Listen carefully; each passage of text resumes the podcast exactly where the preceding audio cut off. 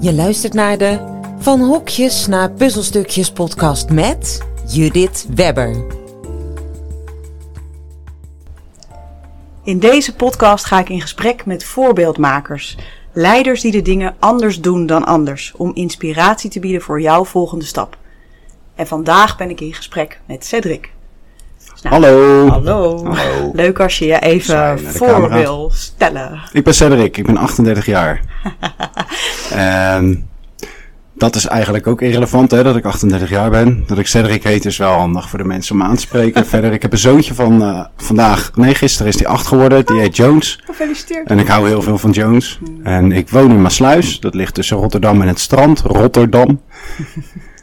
en wat wil je nog meer weten? Nou ja, eh, bij eh, welk bedrijf eh, je aan het werk bent of waar, ja. wat je ongeveer aan het Ik ben aan het werk bij VGZ. Dat Ja. verwachten mensen niet bij mijn naam. Dat ik tien jaar geleden Kito heb opgericht. En Kito staat in Nederland een beetje te boek als een extreem voorbeeld op het gebied van organisatiecultuur en vrij organiseren. Ja. Ehm, maar ik ben nu in dienst bij VGZ. Ja. En dat, eh, ik ben wel van plan om dat nog een tijdje te blijven. Maar ik ben nog steeds groot aandeelhouder van Kito. Ja. En ik doe daar nog wel interne sessies. Ehm, en ik ben wel, nou, ik ben veel op de inhoud betrokken en ik woon ook op de zaak. Ja, precies. dus Dichterbij kan haast niet. Ja, ik ben niet weg bij Kito. Ik, eh, ik ben dichter Je woont er. Ik woon er. Ja, Ja, ze komen niet van me af. Nee. Prachtig, ja. Ehm, nou, ik heb jou natuurlijk al van tevoren wel het een en ander verteld over van hokjes naar puzzelstukjes. Eh, mijn, eh, mijn missie om Nederland te onthokken. En ehm, ik ben wel even benieuwd hoe jij de relatie ziet tussen, tussen nou, die frase en, en hoe jij naar eh, organiseren en het leiden van een bedrijf kijkt. Het linkje tussen hokjes en menselijk organiseren is denk ik vooral dat op het moment dat je niet loskomt van conventies en niet loskomt van de, ehm, ja, nou ja, dus niet los van de beelden eigenlijk die je al hebt over hoe bepaalde zaken horen, dat je eigenlijk de essentie mist van waar het echt om draait. En dat, eh, als, zeker als het gaat over menselijkheid en organiseren. eh, organiseren is niks meer dan omgaan met heel veel mensen. Een organisatie is een optelsom van Ja. al die mensen. Ehm, en hoe interacteer je met elkaar en waarom? Eh, ga je bedrijfje spelen of niet? En je vervalt heel erg snel in allerlei zaken op dat vlak. Ik speel directeurtje, ik speel manager, ik speel vergaderingetje. Ehm, waarbij je soms niet tot de kern komt van waar het echt om zou moeten gaan. En dat zijn, wat mij betreft, eh, zijn dat een aantal ehm, essentiële zaken waar jij er ook al drie van benoemt. Ja. Ehm, nou, daar gaan we dieper op in, denk ik. Ja, daar komen we zo, daar komen we zo, Ja. zeker. Ja. Ja, dat is wel mooi. Het is wel mooi ook hoe je het puzzelstukje eigenlijk al meteen eh framed als eh, menselijk organiseren. Want eh, nou, Mhm. zo zie ik het ook. Dus dat, dat is een hele fijne samenvatting. Ja, wat, mij, wat overigens niet precies duidelijk is wat dat betekent voor mij hoor. Dus wat is dan menselijk organiseren? Ja, precies. Ja. Ik hoop vooral dat er gewoon heel erg veel gehandeld wordt vanuit liefde. En vanuit inclusie en heelheid. Dat iedereen er mag zijn zoals hij er is. En dat er begrip is voor elkaar. Ja. Ehm, dat er nuance wordt gezocht in opvattingen. En dat je niet als bedrijf een thema als diversiteit en inclusie op je agenda hoeft te zetten. Maar omdat het al gewoon is. wordt geleefd. ja. Ehm waar het niet dat ik wel blij ben dat het een speerpunt is voor organisaties. Omdat ik wel denk dat het een manier is om er sneller te komen. Ja. Maar op het moment dat je diversiteit en inclusie werkelijk wil gaan eh, leven, dan moet je ook uitkijken dat je daar niet in het hokje valt, eh, vervalt door alleen maar te denken aan biculturaliteit en vrouwenquota. Eh, en dat is wat Zit je in de een nieuw praktijk. hokje. Ja, dan zit je in dat hokje van we gaan nu diversiteit en inclusie Ja. heel goed doen. Ja. Maar het is niet je doel om een vrouwenquotum van 40% te behalen, maar je doel zou moeten zijn om werkelijk iedereen vanuit heelheid te laten zijn. Ja. En dan heb je het over alle mensen. Dus mensen met eh één been. Of mensen als ik met ADHD-achtige trekjes.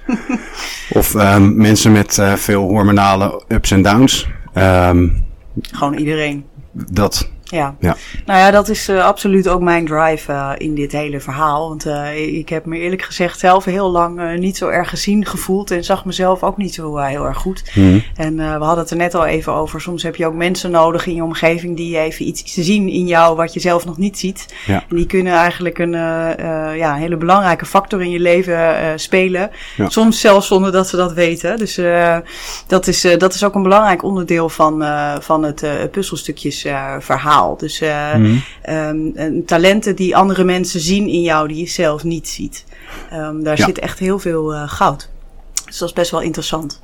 ja, Ja, voorwaardelijk is wel dat je ze zelf leert kennen. Dus ik denk Ja, dat diversiteit zeker. en inclusie ook alleen mogelijk is op het moment dat je jezelf werkelijk waardeert. ja, Dus ik denk dat ware leren is ook jezelf leren waarderen. Ja. Eh, ik denk dat ze daar op school al mee zou- zouden moeten beginnen. Dus dat het niet gaat over het hokje eh, cijfers voor rapporten. Maar dat eh, de kinderen echt leren om zichzelf te waarderen voor datgene wie ze zijn, wat ze waard zijn en wat ze kunnen ook. Maar minder nog wat ze kunnen.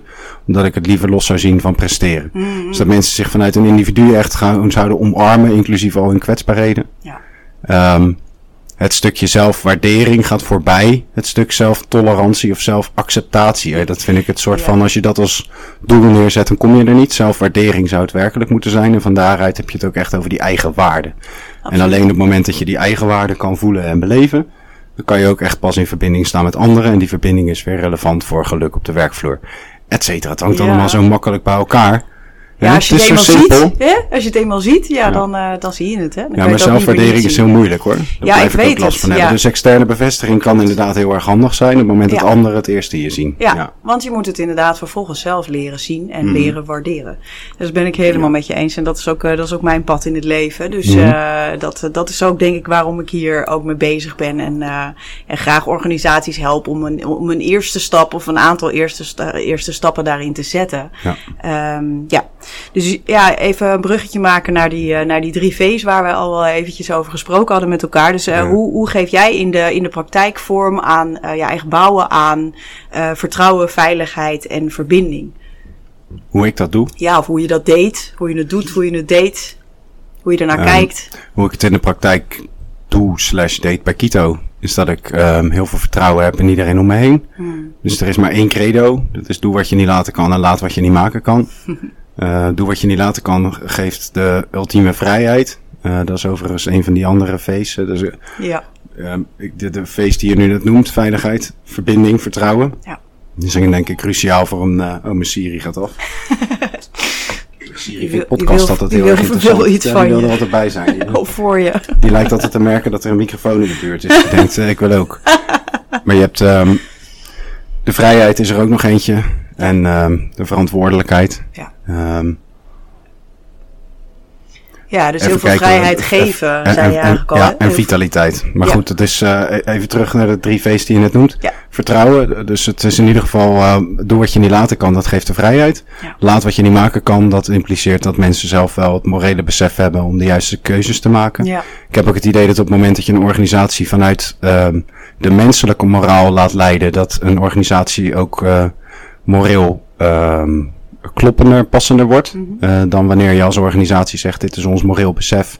En kijken of onze medewerkers zich daarmee kunnen verenigen. Ik heb Ja, niet het idee dat als de mensen die bij Shell werken werkelijk al het beleid zouden maken. eh, dat ze ook daadwerkelijk alles hadden gedaan in wat ze in het verleden hebben gedaan. Mhm. Dus ik heb het gevoel dat je veel meer het moreel kompas van je mensen sturend en leidend zou moeten laten zijn in je bedrijfsvoering. ja, Dan hoef je daarna ook nooit als organisatie te proberen om menselijker te worden. Als Nee, je al menselijk start ja. en zegt de mensen bepalen, dan denk ik dat het altijd de goede kant op blijft gaan. Tenzij je een groep bent eh, die voornamelijk uit psychopaten bestaat. Wat overigens wel een probleem is, omdat Zeker, dan heb je wel een probleem. Ja. bovengemiddeld percentage CEO's in Amerika uit onderzoek blijkt psychopaat of narcist te zijn. Hmm, nou goed, dat, dat, eh, dat is niet best. Nee, maar dat is een gevolg van het feit dat je niet op vrijheid stuurt, maar op Ja. eh, hiërarchie, command en control. Ja. Waarbij politiek spel zeg maar, eigenlijk het meer. tegenovergestelde van vertrouwen. Exact. Ja. Ehm, dus vertrouwen eigenlijk door eh, dat credo. Ja, Ik vertrouw mijn mensen, ja, veiligheid. Eh, door eh, expliciet duidelijk te maken dat je er echt precies zo mag zijn als dat je bent. Mhm. Eh, en daar en hoe doe je dat? ja, zelf heel erg het voorbeeld zijn. Mhm. Als ik rare truien wil dragen, dan doe ik dat. Ja, dat doe je ook, hè? Dat doe ik vaak, maar ook heel vaak niet. Dus ik heb soms ook best wel een beetje een kakkerige jas aan. En dan zeggen mensen, hè, maar dat ben jij toch niet? Ik zeg, nou vandaag wel, want dit voel ik vandaag. Ehm, ik kan ook huilen op kantoor. Ehm, ik heb een scheiding achter de rug, die, eh, dat hakt er wel in. Ja. Ehm, dus dan kan ik janken. Ik voel me daar veilig genoeg voor, maar door zelf ehm, te laten zien dat ik dat doe, creëer ik ook een grotere veilige inbedding Ja. eh, voor andere collega's om zich zo te uiten. Ja.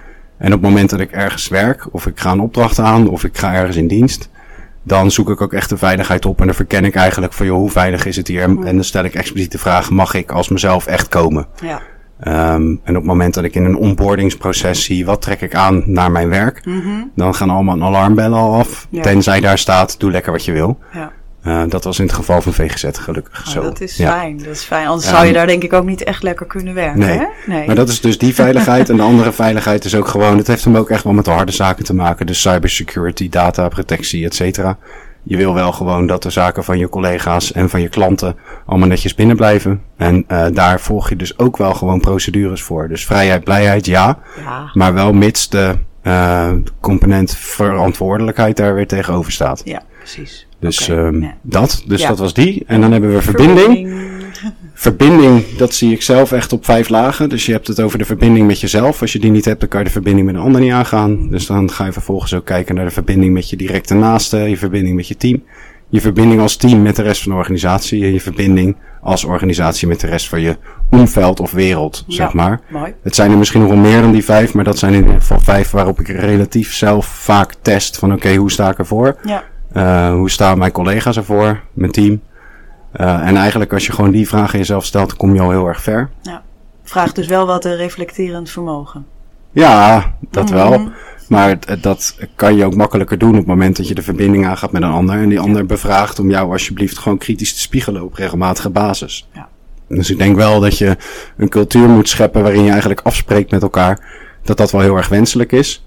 Wat dus ook betekent dat je per definitie uh, onderling elkaar beoordeelt en aanspreekt. in plaats van dat je dat alleen maar top-down georganiseerd of Ja. vanuit People and Experience of vanuit HR laat faciliteren. Ja, precies. Ja, Het gaat echt wel uit van peer-to-peer en niet van top-down. ja en dat, dat is ook wat je gedaan hebt bij Gito, toch? Uh, ja, dat, is zo neer- ontstaan. Oh, het is zo Ehm, ontstaan. Oké. Nou, dat is, uh, wij deden gewoon niet aan beoordelingen omdat we lui waren. Ehm, Gewoon geen zin in. nee, één keer per jaar hadden we de salarisbesprekingen en daar hadden Ja. we inderdaad geen zin in. Dus Nee. op een bepaald moment waren we er 20, eh, 20 in december aan het doen en het kost dan toch veel tijd voor je maand. Ja, En dan gaf je ook een eh, bepaalde opslag erbij, 100, 200 of 300 euro of zo. En dan keek je iemand aan en dan zei je, eh, ben je er Ja. blij mee? En dan Ja. zat iemand met een uiengezicht tegenover je, ja hoor. en dan wist je eigenlijk niet of je het goed gedaan had. nee, En wat je nu, eh, vrij waardeloos eigenlijk. ja, waardeloos. Ja. En eh Lennart, Lennart Thoma, Mhm. ehm, afgestudeerd organisatiepsycholoog, staat in Nederland een beetje te boek als een van de mensen die het echt begrijpt op inhoud. Ehm, ik ben meer de ondernemer die het heeft gedurfd slash toestaat of eh, leert loslaten en zo. Dus we staan vaak als duo ergens. Ja, Ehm, hij heeft ons daar echt helemaal doorheen begeleid. En eh, in dat hele traject, oké, hoe kan je dat nou doen? Die is soort van extreem gaan experimenteren. Die krijgt er ook alle ruimte voor, van ons in ieder geval als groot aandeelhouders, maar ook van, het, eh, van de hele groep collega's. ja, Eh, of de halve groep collega's. Het is in ieder geval al genoeg voor hem om te zeggen, nou dat is steun genoeg. De helft is tegen, de helft is voor. Ik ga luisteren naar voor. oké. We gaan eerst testen en Ja. daarna merken we wel wat de rest ervan vindt. Ja, En zo langzaamaan is alles, eerst met een pilot uiteraard. Pilot het toverwoord van eh ondernemend. Nederland. ja, Ja. precies. Ehm, ja, is dat er inderdaad langzaam ingegroeid. Eh, wel al echt best wel een tijd geleden. En dat is langzaam echt verfijnd tot collega's bepalen of elkaar salaris of hun eigen salaris. Ze nemen elkaar aan, ze ontslaan elkaar. Ja, Ehm, ja eigenlijk, gaan er vrij ver in, hè? Ja, ja, we gaan Ja. in feite ehm, regel je niks Nee. voor mensen. Nee. Maar gaan de mensen het op zo'n manier regelen dat het zoals het voor ze werkt. Ja. En, ehm, en daarin zijn die drie V's eigenlijk leidend. Ehm, eigenlijk nog die andere drie ook. ja, Eh, die zijn bepalend. Ja. Ehm, en niet het systeem wat gekozen is. nee, precies. En eh, dat is wat je helaas bij zeker de grotere organisaties ziet, is dat het, het systeem vaak leidend is. Mm. Dus er wordt gekozen voor of lean, of agile, of zelforganisatie, of command and control. Ja. En er ontstaat dan vaak een discussie dat het een beter is dan het andere. Terwijl ik denk dat ze in feite allemaal helemaal niet zoveel van elkaar hoeven te verschillen. Als je kijkt naar de onderstroom die er aan ten grondslag ligt. En die zijn toch vaker gestoeld op, ehm nou niet bij alle systemen overigens die ik net noemde. Maar dat zit hem toch vooral op die verbinding. eh, vertrouwen, veiligheid, vitaliteit, verantwoordelijkheid en vrijheid. Ja. En ehm, daarom propagandeer ik, mooi woord, ook veel meer die onderstroom. Ja, Dan dat je aan de oppervlakte op systeemniveau semantische taaldiscussies gaat voeren. En eh, dat is dan wat mij betreft ook weer bedrijfjes spelen. Ja, precies, ja. Ja, ik heb er zelf ook niet zo heel veel mee met al die stromingen. Want het is dan, eh, het is nu eh, hip en morgen weer uit, zeg maar. Dus Hmm. dat, ehm, terwijl menselijkheid eh, blijft, hè. Dus, je ehm, krijgt daar ook heel veel weerstand op de werkvloer van. Ja. Mensen die denken, oh ja, weer zo'n modegeel. verandering. Ja, nu moet ik weer met zo'n course meedoen. En dat zie je Ja. ook op leiderschap. Dan is het verbindend leiderschap. Dan is het dienend leiderschap. En dan is het authentiek leiderschap. En Ja. iedere keer heb je weer een soort van modegrillen in leiderschapsland. Ja, terwijl op het moment dat je gewoon op die 6V stuurt, zoals ik ze er net noemde, dan Ja. heb je geen een van die bijvoeglijk naamwoorden voor het woord leiderschap nog echt nodig. Nee, nee, precies. Ja. En wat voor, wat voor effect heb jij gezien van, van deze manier van eh, leiden en eigenlijk niet organiseren eh, op eh, medewerkers en eh, resultaten? Ehm, nou, ik denk allereerst dat het dus niet over medewerkers gaat, maar over mensen onderling. dus het zijn gewoon collega's, omdat ze toevallig in een organisatie werken en Ja. salaris krijgen. Maar verder zijn het vooral eh, veel, veelal zijn het vrienden van elkaar. Niet iedereen is bevriend met elkaar, want iedereen die kiest zelf met wie je je wel of niet verbindt. Tuurlijk. Ehm, maar je ziet dus dat iedereen echt vanuit zichzelf eh, gaat handelen. En op de manier zoals ze eigenlijk zijn opgevoed. En ehm, En dan bedoel je opgevoed binnen, binnen Kito? nou, nee, Of thuis eigenlijk al. Ze zijn al? natuurlijk gewoon toch een product van hun opvoeding. Ja, tuurlijk. Ja. iedereen die blijft wel doorleren. Uh, maar in de loop der tijd, iedereen is gewoon zoals die is. Zoals je geboren bent, nature, nurture, de combinatie. Um, en zo kan iedereen gewoon zijn. Uh, zoals die is. Dus dat is eigenlijk heel simpel. Ja. Uh, de uitwassen die je vervolgens ziet, is dat dus uh, er constructen ontstaan waarbij de collega's elkaar beoordelen, elkaar feedback geven, elkaar aanspreken op zaken. Mm -hmm. Wat uh, primair best wel als onveilig ervaren kan worden, maar op de langere termijn best wel veilig is juist. Ja, dus, dus je moet daar misschien een beetje doorheen. Zeker, je moet ja. eerst onveiligheid opzoeken om ja. de inbedding van veiligheid te vergroten, denk ja. ik. Uh, je hebt, um, um, in het begin is dat natuurlijk echt wel even spannend op het moment dat je zegt, ja, je collega gaat je beoordelen Mhm. mm -hmm. of jij bepaalt, je collega denkt mee over jouw salaris of iets precies. dergelijks. Ja. Um, totdat je je beseft dat op het moment dat jij zelf bepaalt wie je nieuwe collega wordt, dat je ook een uh, gedeelde verantwoordelijkheid hebt in het slagen. Want die nieuwe collega die is blij dat jij hem hebt aangenomen, dus Ja. die is ook loyaal bij de landing aan jou. Ja. Dus daar ontstaat een soort van wederzijdse afhankelijkheids, uh, afhankelijkheid. En je gaat elkaar daarin dan ook sneller helpen. In Ja, plaats precies. van dat een manager zegt, alsjeblieft, dit is je nieuwe collega, succes ermee, ik hoop dat jullie klikken. Dat is eigenlijk veel onveiliger. Ja. Uh, elkaar ontslaan. invloed, nee. Nee. En elkaar ontslaan is natuurlijk ook verschrikkelijk onveilig. Mm.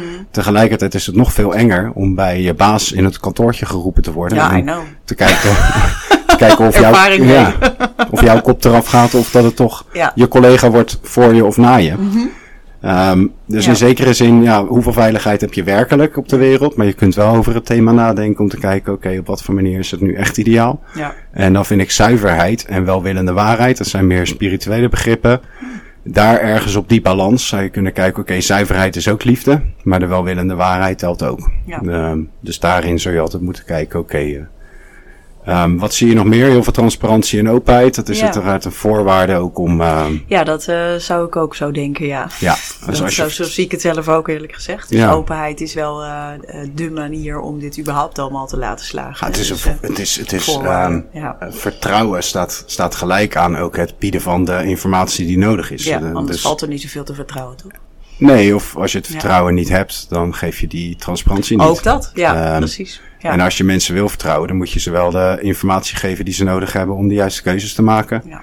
Maar op het moment dat je verbinding wil, dan moeten ze elkaar ook voldoende vertrouwen en open genoeg zijn naar elkaar om je, eh, ja, laat jezelf kennen, Ja. zou ik zeggen. Hè? Het is hoe, altijd, eh, hoe, hoe, uh, hoe ontdekken mensen dat dan van zichzelf dus, en van elkaar? Dus hoe leren ze elkaar dan beter kennen? Heb je, da heb je daar iets in gefaciliteerd of, of is het gewoon zo ontstaan? Nou, ik denk dat het vooral is dat je ervoor zorgt dat dingen niet, ge niet gebeuren, dus niet gedaan worden. Mm. Op het moment dat je constructen najaagt die horen bij uh, bedrijfjes spelen. um, wat er dan ontstaat is dat op het moment dat je mensen een functie geeft of een, uh, een rol en zegt oké, okay, jij bent je rol, jij bent je functie. Mm -hmm. Dan uh, krijg je hetzelfde als wat je hebt op het moment dat je Lego gaat spelen. Dus een, een soort Lego poppetjes krijg je dan. Ik ben brandweer, ja. ik ben de politie en dan ga je brandweertje politietje spelen.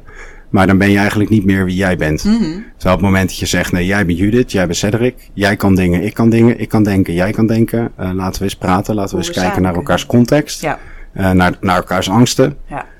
Um, dus niet gaan vergaderen vanuit rol, uh, maar veel meer vanuit het Ja, natuurlijke proces. Ja, dan ontstaat er van nature ook sneller verbinding tot elkaar, want Lego-poppetjes kunnen niet verbinden. Maar mensen wel. Dus blijf vooral mens Mm. uh, door heel veel systemische zaken zo min mogelijk te implementeren. Ja. Wat dus eigenlijk betekent dat je heel erg veel onzinnigheid schrapt. En daarom heb ik het ook vaak over zinnig organiseren. Hmm. Iets wat ook bij eh, VGZ ook wel op de kalender staat. Ja. Maar ik ga minder over Mooi. VGZ praten, meer over Kito. ik ben pas jou. net bij VGZ. Vind ik ook niet netjes. Ik weet nog niet alles. Eh, weet wel veel. In ieder geval voldoende om me daar aan te committen. Ja. En ik hoop dat dat eh, Nou, nog dat een is tijd al- zo blijft. Dat is al heel wat natuurlijk. Ja. Hè? Dus, eh, dus, dus als je zegt eh, het effect op, eh, op, op nou, medewerkers, eh, mensen dus. ehm, ja, dan, dan wat, wat, wat, hoe zou je dat samenvatten? Wat, wat zeggen mensen die bij Kito eh, aan het werk zijn? Die zeggen niet zoveel, die eh, vinden het gewoon heel normaal. Die vinden dat gewoon heel normaal. Dat bestaat. ja, Eh, we zijn. ja, Eh, we doen ons ding. En die lopen vooral heel erg veel ook te vloeken over alles wat er nog gewoon KUT is. Weet je wel. En, wordt net als gewoon- overal eigenlijk. Ja, natuurlijk. Er wordt Ja. gewoon gemopperd. Het Ja. enige ding is, is dat je... Ze er zelf ook- wat aan kunnen doen. Exact. en dat weten ze ook allemaal. Ja, maar dat geeft ze nog steeds het recht om dingen gewoon irritant te vinden. Ja, ja. ja. Ehm, en er, er, er wordt ja, veel koffie gedronken en, en ook biertjes en peukjes gerookt.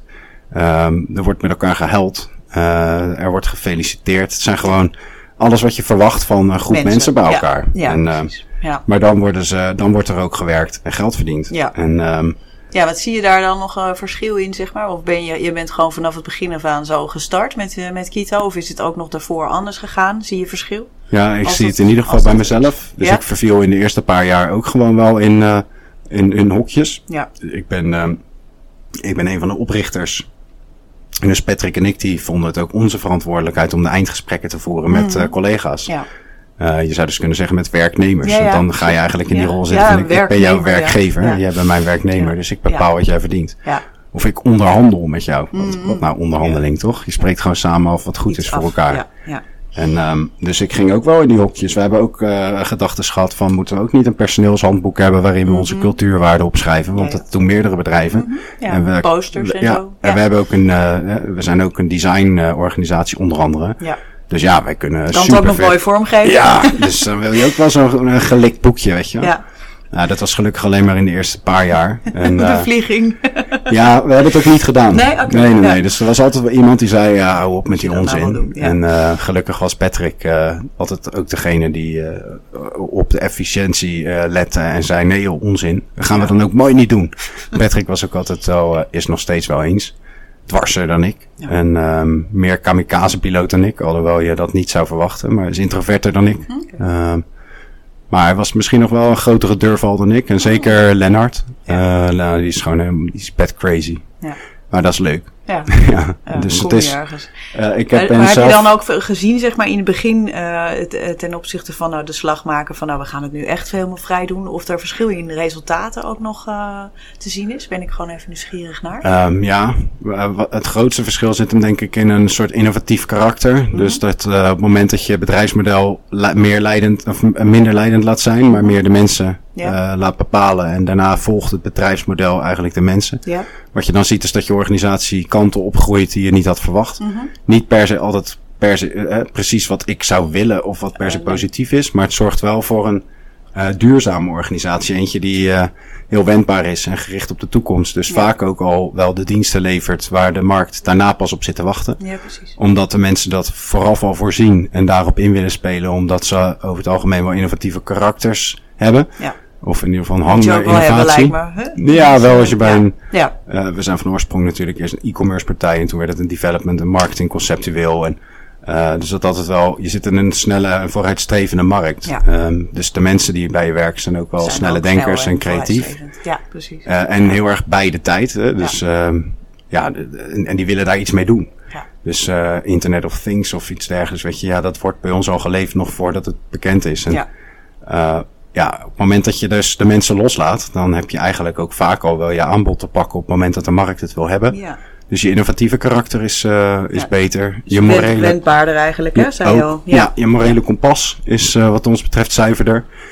En omdat de menselijkheid de boventoon voert, eh, krijg je relatief snel een groot netwerk van ambassadeurs die, eh, die je eigenlijk hoog hebben zitten. Ja, een grote zorgt, gunfactor. het zorgt er ook voor dat je het leuk vindt om met mij eh, in de podcast te zitten. Ja. En het heeft uiteindelijk ook wel gewoon gezorgd voor publiek bereik. Ja. eh, wat daarna weer zorgde voor een bepaald type klanten. Ja. die zegt, ja, zoals jullie uh, in de wedstrijd zitten, Ja. uh, zo voelen wij ons ook. Dus we willen met jullie aan de slag. Ja, passende klanten. Ja, Dus dus je krijgt eh, ineens dat je klanten als, als, als Plensum, die echt het hart op de goede, goede plek hebben zitten als het gaat over eco. Uh, nou, ik, ik kan nou een heel rijtje noemen van, van klanten die zeg maar heel zuiver in de wedstrijd zitten Ja. op dat vlak. En daar mag je dan ineens ook voor werken Ja, en mooi. alles doen. Ja. En dat blijkt dan ook gewoon echt een goede klik te zijn. Ja. Omdat je hetzelfde in de wedstrijd zit. Dus, dan, dus ik denk ook dat je er echt duurzamer voor wordt. Ja. Ehm, Dus ook door te laten zien hoe je, hoe je de dingen doet en hoe je, hoe je het organiseert, hoe je het leidt. Dat Ja. leidt dus ook weer tot eh, eigenlijk beter passende klanten. Dus daarom noem Ja. ik bij verbinding ook de verbinding met de buitenwereld. Ja, zeker. Dus Dat is eh, je zal, belangrijke. ja, en die Ja. transparantie die zou je wel moeten laten zien, want dat is weer de manier waarop je anderen motiveert. Ja. En dat is ook hoe wij naar winst kijken. Dus we zijn ook wel minder winstgevend geworden als je het hebt over financiën. Mhm. Eh, ik denk wel dat het voor je EBITDA niet per se geweldig is om op deze manier te sturen. Ik denk dat het voor je eh 2070 planning wel een goed idee is. Dus op het moment dat je meer in de wedstrijd zit als zijnde we gaan kathedralen bouwen in plaats van kerken. eh, dat het dan een fantastisch model is. Ja. Hè, de infinite. Ja, ja. Ja. Eh, de Infinite Game eh, van Simon Sinek Hmm. zit er, eh, de, die elementen zitten erin. Maar op het moment dat je dus veel meer kijkt naar welzijn en eh, welbevinden dan naar welvaart alleen, Ja. Dan zou je dus ook kunnen kijken naar een andere manier van profit. Dus niet alleen maar kijken naar financial profit, maar Zeker. ook kijken naar eco profit en eh, social profit, Ja. eh, inspirational profit. En dat zijn er vier. Die kwamen we ergens anders tegen. Ik weet de naam even niet van het bedrijf, maar er is ook wetenschappelijk, eh wetenschappelijk basis voor gelegd. En toen ik dat zag, dacht ik, ah fuck, dat is wat wij doen. Ja. Daar kan je nu dus ook veel beter nog op sturen. Ja. Dus waarom gaan we ook niet veel meer onszelf waarderen? Niet accepteren, maar onszelf Mhm. echt waarderen voor het feit dat wij best wel een inspiratie zijn voor andere organisaties. En dat we worden nagedaan. Of eh, dat eh, mensen eh, onze content heel erg graag afnemen. En alles wat we op dat vlak doen is het ook gewoon write to copy in plaats van copyright. Mm, ja. Ehm, en daar, daar speel je dan ook een rol in voor de maatschappij. Ja. En waarom zou het alleen maar over shareholder value moeten gaan en alleen maar over fiduciair voordeel en alleen maar over dividenduitkeringen? We hebben juist in tien jaar bewust nooit dividend uitgekeerd, maar alles teruggestopt in de organisatie om ervoor te zorgen dat je meer impact kan bereiken. ja, mooi. En dat voedt mij eh, persoonlijk veel meer dan ik ooit had durven denken. Ja, dat wist je ook niet. Dus dat is Nee een joh. verrassing. Nee, tuurlijk niet. Ja. Want ik had tien jaar geleden echt wel het idee, ik ga een bedrijf bouwen en dan gaat dat bedrijf ooit naar een exit toe. Dus ik zat ook echt wel slecht in de wedstrijd eigenlijk. Ja, ja. Tegelijkertijd zeiden Pet en ik toen ook al wel, we willen een tent creëren met een win-win-win. Dus een win voor ons, voor de klant, voor ja, Jan en Alleman. Ja. Ehm, uiteindelijk is het ehm het bepalend, meest bepalend denk ik geweest dat we in het begin hebben gezegd, we willen een bedrijf creëren waar we zelf willen werken. Mm, ja. En omdat ik een beetje een autoriteitsprobleem had vroeger al, en Patrick ook wars is van onzin, eh, ontstond er uiteindelijk een organisatie die best wel ehm, toch op de, de vroegere baasjes is gaan lijken van, van weleer. En die is best wel los en vernieuwend, Ja. conventieloos. Dus leuk ook, vandaar dat ik ja heb gezegd van hokjes naar puzzelstukjes. ik begrijp wat je ermee bedoelt. ja, dat is fijn. Eh, en ik vind het altijd lekker voor mijn ego als wij als hokjesloos worden gezien. ja. Eh, want dat ego, dat wordt nog steeds gevoed. Ehm, alleen er zit me minder in de weg dan in de eerste paar jaar. Dus in de eerste paar jaar handelde ik nog veel meer vanuit mijn ego als ik ben toch de ondernemer. En dat betekent toch dat ik een bepaalde management fee moet hebben. En dus ook ja, dividend, et cetera, et cetera. Alles wat eraan vast zat. Ja, en nu denk ik, ja, weet je, mijn zoontje is acht jaar. Ja. Ik zie ook wel wat er belangrijker is op de wereld en wat de wereld nodig heeft. Veel vetter om ons daarvoor in te zetten. En, eh ja, Mooi. en zo gezegd, nu werk ik dus ook bij VGZ, omdat ik denk dat ik bij VGZ en met VGZ meer impact kan maken op ondernemend en werkgevend Nederland. Ja. Eh, ik doe dat niet voor mezelf, maar ik doe dat dus echt voor de maatschappij. Ja. Eh, en ik maak mezelf daar dienend aan. Het is totaal irrelevant of ik nog steeds 40 of 50 keer op het podium sta. Ik zal er vanaf nu misschien eh, ook wel, nou niet misschien, dat heb ik afgesproken, dat ik ook wel eens toestemming zal vragen op het moment dat ik ergens word gevraagd voor een tolk. En Dat gebeurt regelmatig. En dan heb ik dus ook een manager waar ik dat op afstem. Dus een lesje nederigheid die me wel bevalt. Mm. Uh, maar het gebeurt allemaal wel vanuit gelijkwaardigheid en vanuit gelijke missie. Dus we willen allemaal hetzelfde. En VGZ die kiest ook echt voor die menselijkheid. Mooi. En dat vind ik zeker Vind ik fijn prachtig. om te horen. Ja, ik, Ja, eh, echt, ik, eh, ik denk dan ook meteen, oh, ik wil ook wel iemand van VGZ spreken. Ja, dus, nou ja, die hebben we nu aan de telefoon, dus dat scheelt. Ehm, maar echt vanuit die coöperatieve gedachte met de leden en voor de leden. Ja. Echt kijken hoe de, de gezondheidszorg zo zinnig mogelijk kan zijn. En, ja, mooi. En dan, Ja. dan ook intern natuurlijk. Hè? Dus ehm, ja. Exact. En eh, wat, eh, wat zou je nou uit al deze rijke ervaring eh, die, je, die je hebt als, als tip willen meegeven aan, aan de luisteraar? Stel je voor je wil beginnen als organisatie of stappen daarin zetten om nou, meer van het hokjesdenken eigenlijk af te komen. En ehm, ja, meer vertrouwen, veiligheid, verbinding als centraal te stellen eigenlijk. Jeetje, één tip. Eén tip. Ja. Of twee, mag ook hoor. Ja, ja dat is net, net zo lastig. Maar dan, dan, dan ben je altijd geneigd om te denken, oh, nu wil ik iets slims zeggen. Waarvan mensen denken, oeh, die is goed gekozen die, of zo, weet je wel. oh, ja, die. Uh, maar ik denk dat dat misschien, dan is dat wel het antwoord. Dat het niet zo heel erg uitmaakt dat je dan, dat je het dan belangrijk vindt dat je dan op dat moment echt iets nuttigs zegt. Ik zou gewoon zeggen, je, bent je bent wie je bent. En uh, kom daar alsjeblieft lekker voor uit. Ja, en, dat is een uh, mooie tip, toch? Ja, nou durf jezelf, Ja. ga, ga eerst eens kijken of je gewoon echt naar zelfwaardering kan. Omdat je daarmee ook vanuit veel meer ontspanning naar die ander kunt luisteren. Ja. Uh, ook veel geweldlozer kunt communiceren. En de dialoog kan aangaan, de nuances kan vinden. En vanuit die nuance, en dus ook echt diversiteit en inclusie, eigenlijk de juiste menselijke keuzes kunt maken. En uh, het hangt er ook heel erg vanaf. Mijn tip zou ook heel erg afhangen van welke rol heeft die ander die luistert uh, op dat moment. Of welke rol neemt hij in. Tegen de manager zou ik zeggen, wees niet bang om minder te managen. Wees niet bang uh, met de gedachte, ja, maar ja, uh, wat heb ik dan straks nog te doen op het moment dat ik niet meer hoef te managen? Ja, dat is een mooie. Ik ja. zou dat juist zou wel eens zeggen, kunnen spelen. Gefeliciteerd. Ja. Uh, je hebt weer iets te doen. ga denken over wat je leuk vindt. Maar heel veel mensen zijn eigenlijk kwijtgeraakt wat ze leuk vinden. Zeker. Want die hebben de vraag niet gesteld aan zichzelf. Wat Ja. wil ik nou echt en wat vind ik nou leuk? Mhm. Um, dus ik zou vooral zeggen, leef vanuit jezelf en probeer los te blijven van hokjes. Laat Ja. ik hem dan maar even rondmaken. Ja. mooi, mooi. Ja, nee, dat, dat, dat, uh, dat vind ik een hele mooie. En een hele mooie tip ook trouwens. Dus um, Ja. uh, ja, wat ik, wat ik ook veel tegenkom, is dat, uh, dat heel veel mensen eigenlijk inderdaad een beetje kwijt zijn geraakt waar ze, waar ze nou zo veel plezier aan hebben. Omdat er ook dagelijks allerlei dingen zijn die ze moeten doen waar ze helemaal geen plezier aan, uh, aan beleven. Dus Mhm. dat zit ook echt in, het, uh, in, het, in de methodiek verweven. Ja. Uh, dat je dus ook eerst ruimte gaat maken om überhaupt bezig te gaan met waar krijg ik nou energie van. Mhm. Want zolang je nog uh, elke dag aan het ploeteren bent, dan, uh, dan komt er niet zoveel van, uh, van energie en talent uh, terecht Nee. eigenlijk. Dus, uh, dus dat is wel een van de stappen die, die ik in ieder geval zie die nodig zijn om ook ja, dat plezier eigenlijk meer op te wekken. Ja, ja maar dat is, nog, dat is nog wel pittig. Kijk, als je dat plezier meer wil opwekken, dan moet je eh, meer wil, wil oppakken. Mhm. En mijn water is op. Maakt niet uit hoor, trouwens, ik hoef geen nieuwe. Meer wil Heb ik oppakken. ook niet in de buurt. Dus Dan moet je ook het lef hebben om te spelen. Ja, en, zeker. eh, ja. en spelen is hartstikke spannend. Ja. Eh, want ja, je gaat er niet spelen, want je werkt toch op een kantoor. Mhm. Ehm, maar daar zit dus alweer zo'n plaatje. Je werkt, niet op, je werkt op een kantoor. Ja, dit hoort hier niet. Niemand doet het. Ja. Niemand gaat hier naar bed, want er staan hier geen bedden op kantoor. Er staan alleen maar bureaus. Ja. Maar op het moment dat je een thuiswerker bent en je doet een middagdutje, dan ben je al snel geneigd om je daarvoor te schamen en om het vooral niet te vertellen tegen je collega's. Uh, terwijl eh, ga, ga van zelfacceptatie echt naar zelfwaardering. Dus probeer het allereerst al te accepteren dat je het hebt gedaan. Ja. En niet te tolereren. Dus jezelf oké vinden ondanks het feit dat je een middagdutje deed, maar Ja. juist dankzij. Dankzij, ja. En zeggen, nou, dat middagdutje was echt heel erg nuttig. Ik heb mijn uh, bel weer even geslepen en nou ga ik er weer flink Mm. tegenaan. En ik doe tegenwoordig gewoon ja, een beetje anarchistisch, maar ik wil gewoon dat die horizon verlegd wordt. Expres op LinkedIn zetten, ik heb net een dutje gedaan. Maar ook daarbij wel, ik veroordeelde mezelf keer eigenlijk. liken? Ja, dat dat, dat mag. Dat mag. Ja, Doet- nee, dat is heel mooi. Ja, Ja. Doet, doet maar één keer. eh, Oh, oké. Nee, ik, hou, ik ga hem in de gaten houden. Ja. ja, ja.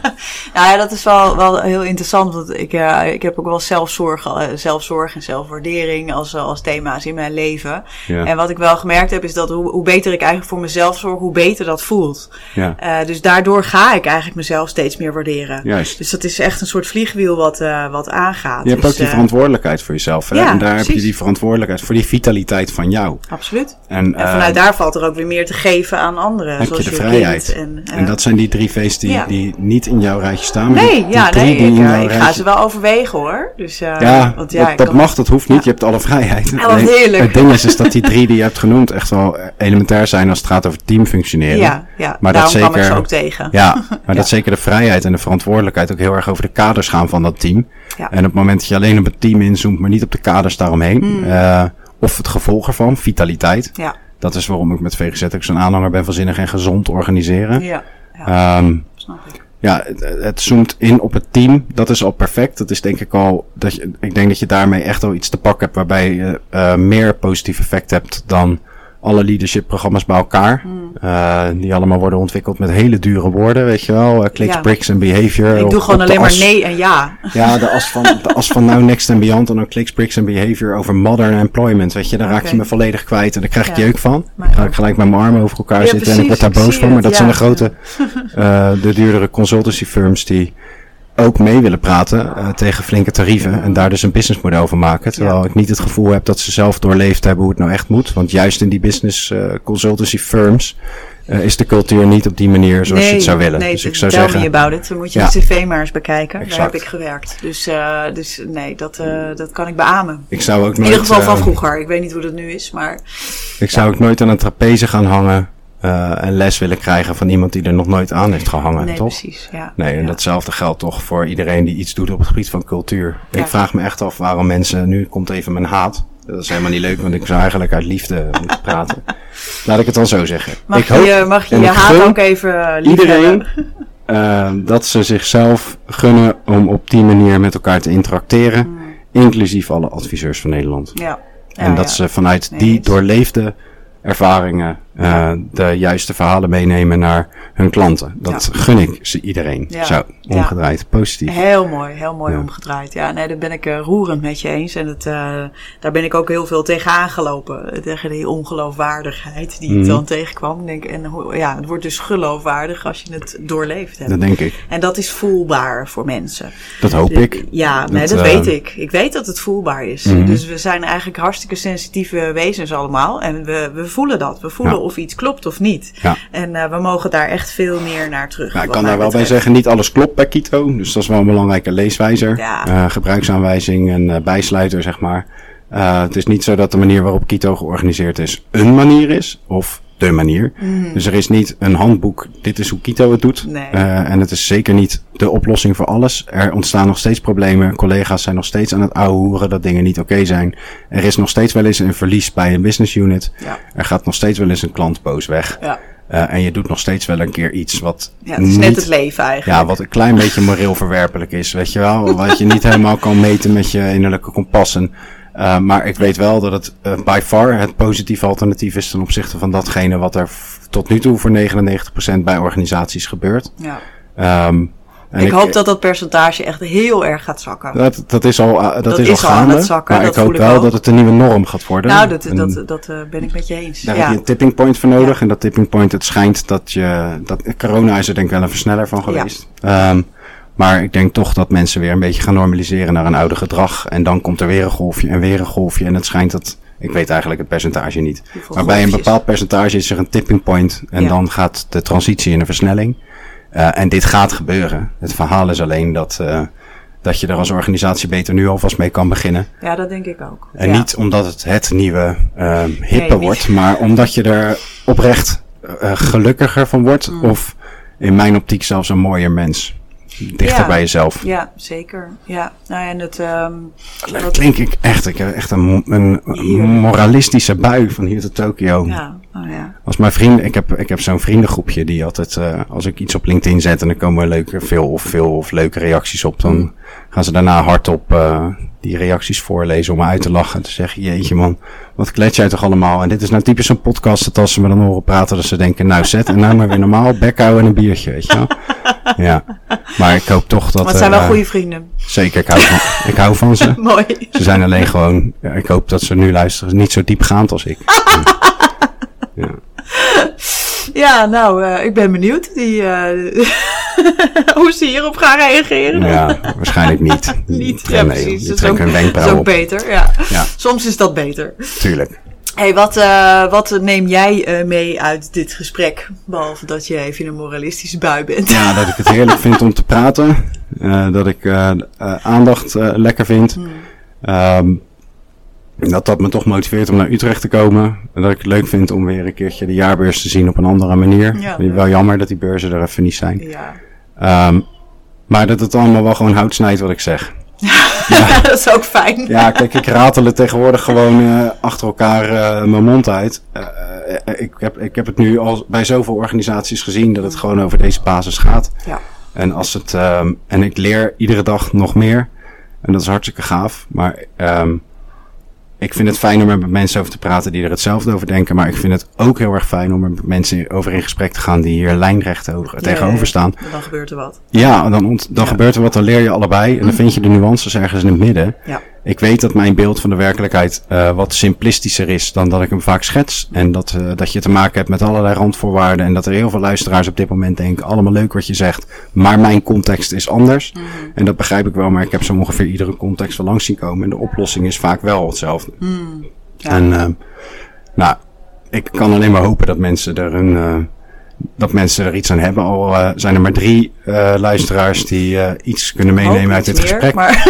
Dan is het toch de moeite weer waard. Ja. Want ik geloof heel erg in het butterfly effect en Ja, kleine rimpeltjes. Ja. Dus lekker Ja. blijven duwen. Ja. ik hou van aandacht en dat neem ik mee uit dit gesprek, dat Ja. dat weer bevestigd is. Nou, dat is fijn. Ehm, en eh, zo- ik zeg eigenlijk, dat zei ik in de loop van dit gesprek ook, ik doe het niet voor mezelf. Maar dat is er eentje waar ik op de terugweg over na ga denken. Doe ik dit echt niet voor mezelf? Mag ook wel hoor, een klein beetje. Ja, er zit ook gewoon ijdelheid in. Ja, dat En, mag ehm, ook best. Ja, ik, eh, ja ik, eh, ik, ik ben ook spreker en ik vind dit ook leuk. En ik hou ook van de aandacht. En ik vind daar ook helemaal geen gêne op zitten eigenlijk. Dus eh, nee? vind ik niet. Nee. nee. Ja. Nee, dus dat- mag ook best. Je mag het ook echt zelf leuk vinden.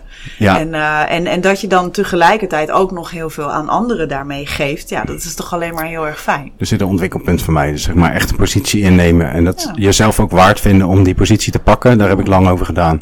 Dus eh, echt wel tot twee jaar geleden nog van die negatieve belemmeringen. Ik ben niet slim. Eh, Ja. Of ik mag er niet zijn. Of ik mag niet wel. genieten. Ja, ja. Ehm, Ja. Maar die, gaan, eh, die heb ik of opzij gezet. Of beginnen zo langzaamaan, eh, langzamerhand echt helemaal weg te smelten. Ja, smelt, en het is een verademing hoe vrij je dan ineens kan handelen. En eh, in hoeverre je dan ineens gewoon kan spreken. Ja. En, eh, maar werkelijk spreken, niet op een podium om te Nee, spreken. nee, nee, nee, ik snap Ja. wat je bedoelt. Ja, Ja, dat is lekker, Ja, lekker. nou dat is fijn. Dat, is, dat is ook een mooie winst dan. eh, nu, eh, Ja, ik vind het leuk. Ik vind het leuk om hier te zijn. ja, en, ehm, We zijn wel bijna klaar. Ja, zijn we bijna klaar. dus dat ja, zijn een beetje ik, eh, vragen, Ja, dat klopt, ja. Want ik vind het dan ook wel leuk.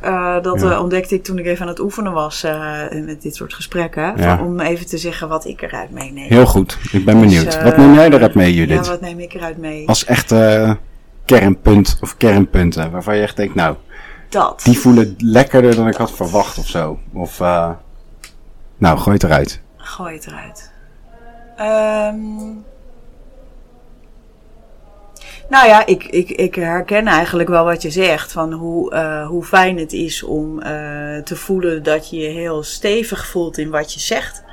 Ehm, dat heb ik zelf ook. Daar, ik ben ook op dat punt. Ja. En dat is heel lekker. En dat is ook eigenlijk de aanleiding dat ik deze podcast gestart ben. Ja. Eh, dat ik niet meer die stemmetjes in mijn hoofd hoor, hoor, eh, die zeggen: wat ga jij nou doen? Doe, doe het niet zo raar. Eh, dat, dat, dat, die hoor ik op dit vlak in ieder geval helemaal niet. Dus, Luisteren ehm, naar je innerlijk weten. ja, inmiddels. Ja.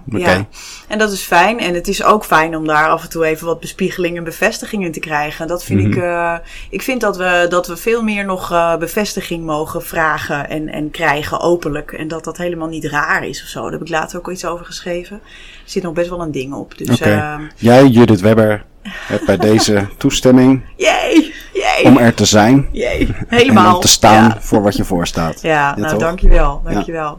Sowieso voor je bijdrage, dankjewel. En Met ik liefde. Hoop dat er wel heel veel mensen gaan luisteren en dat ze denken, goh, zo kan het ook. Ja, toch? Ja, Ja, toch? ja. Dus Leuk, joh. dankjewel. Ja, toch niet dan. Groetjes uit Rotterdam. Dag allemaal.